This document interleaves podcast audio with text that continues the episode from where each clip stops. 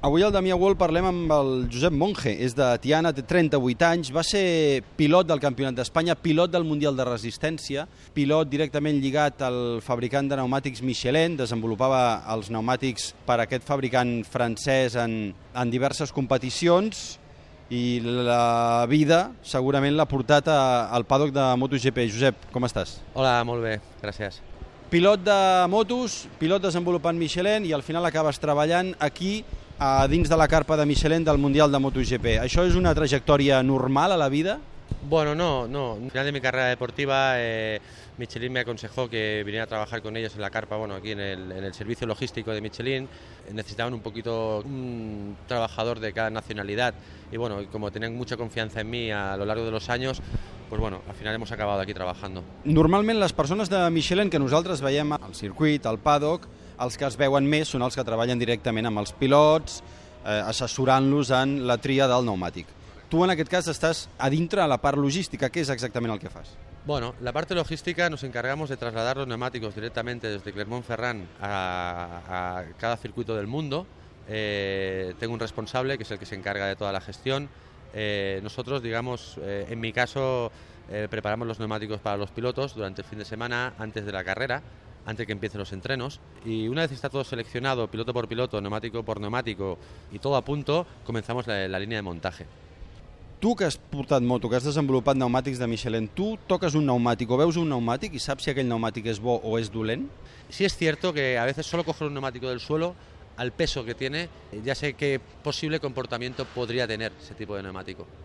Em sembla bastant increïble que ho puguis... Bueno, por ejemplo, en mi caso, cuando yo corría en moto, yo necesitaba un neumático con unas carcasas muy duras, delanteras, y yo entiendo, cuando cojo un neumático aquí y veo que hay una carcasa dura y una carcasa blanda, entiendo que habrán tipos de pilotos con diferentes con pilotaje a nivel de frenada, pilotos menos agresivos, eh, que necesitan unas carcasas más blandas, otros que son más bestias, que frenan más tarde, y esos, estos sí que utilizan carcasas duras. Yo sí que lo, yo sí que lo aprecio al tacto, pues porque la verdad es que hemos, nos hemos pegado muchos años trabajando en esto y, y para mí es fácil eh, evaluar un neumático fàcil, jo lo, jo lo noto al moment. Ara parlaves de carcasses. Podem establir breument les parts d'un pneumàtic perquè ho entengui la gent? Las carcasas son un tema y luego las gomas son otro tema. Todo va en función de los baches que tenga el circuito, también influye un poco lo, el pilotaje de este tipo de motos.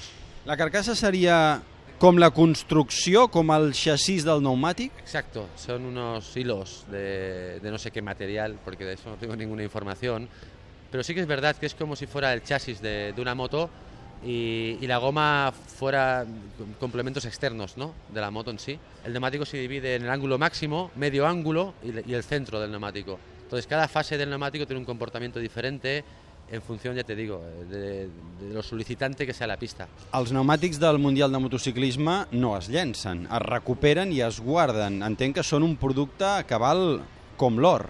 Sí, en este caso está muy hermetizado el tema. Eh, los neumáticos no se queda ningún neumático suelto en ningún momento, en ningún momento se pierde un neumático de vista. Todos vuelven a la fábrica, ahí se examinan y se evalúan. Eh, es como una autopsia que le hacen ¿no? después de cada carrera al neumático y para poder mejorar, evidentemente. Per poder fer aquesta entrevista, nosaltres, el, el teu cap ens ha demanat res de qüestions tècniques. Fantàstic. Entenc que en el teu contracte també deu haver un, un, un fotimer de clàusules de no poder parlar. Sí. Desde, de hecho, desde que empecé a trabajar para Michelin, a nivel de piloto de pruebas hasta hoy, cada año firmo un contrato de confidencialidad. A Qatar, a la primera cursa de l'any, Jorge Lorenzo va guanyar amb uns pneumàtics nous, que eren els Michelin, va rebaixar el temps de cursa de l'any anterior i va fer rècord de cursa que estava al 2009. Em sembla espectacular que amb uns pneumàtics nous que es posen a la pista, que d'acord que estan desenvolupats, aconsegueixin anar més ràpid. Punto fuerte que tiene Michelin es eh, que tiene un grip atrás enorme. Tiene, una, tiene un nivel de agarre, el neumático trasero brutal. Entonces, el, el tema es eh, regular este grip con el neumático delantero. Pues Jorge, por su pilotaje, es un, es un piloto que, que, que, es muy dulce pilotando, muy fino, eh, yo creo que es uno de los que mejor se ha adaptado al cambio de neumáticos. Por eso que él desde el minuto uno, sin haberlos probado en la pretemporada el año pasado, sin haber hecho ningún test, solamente subirse a la moto ya en Sepang, ya giró rápido desde el primer momento y estuvo muy contento. En principio, eh, todos los que son muy agresivos con el tren delantero son los que están sufriendo un poquito más. Josep Monge, moltes gràcies i que tingui sort aquest any, que vagi tot molt bé. Gracias a vosotros.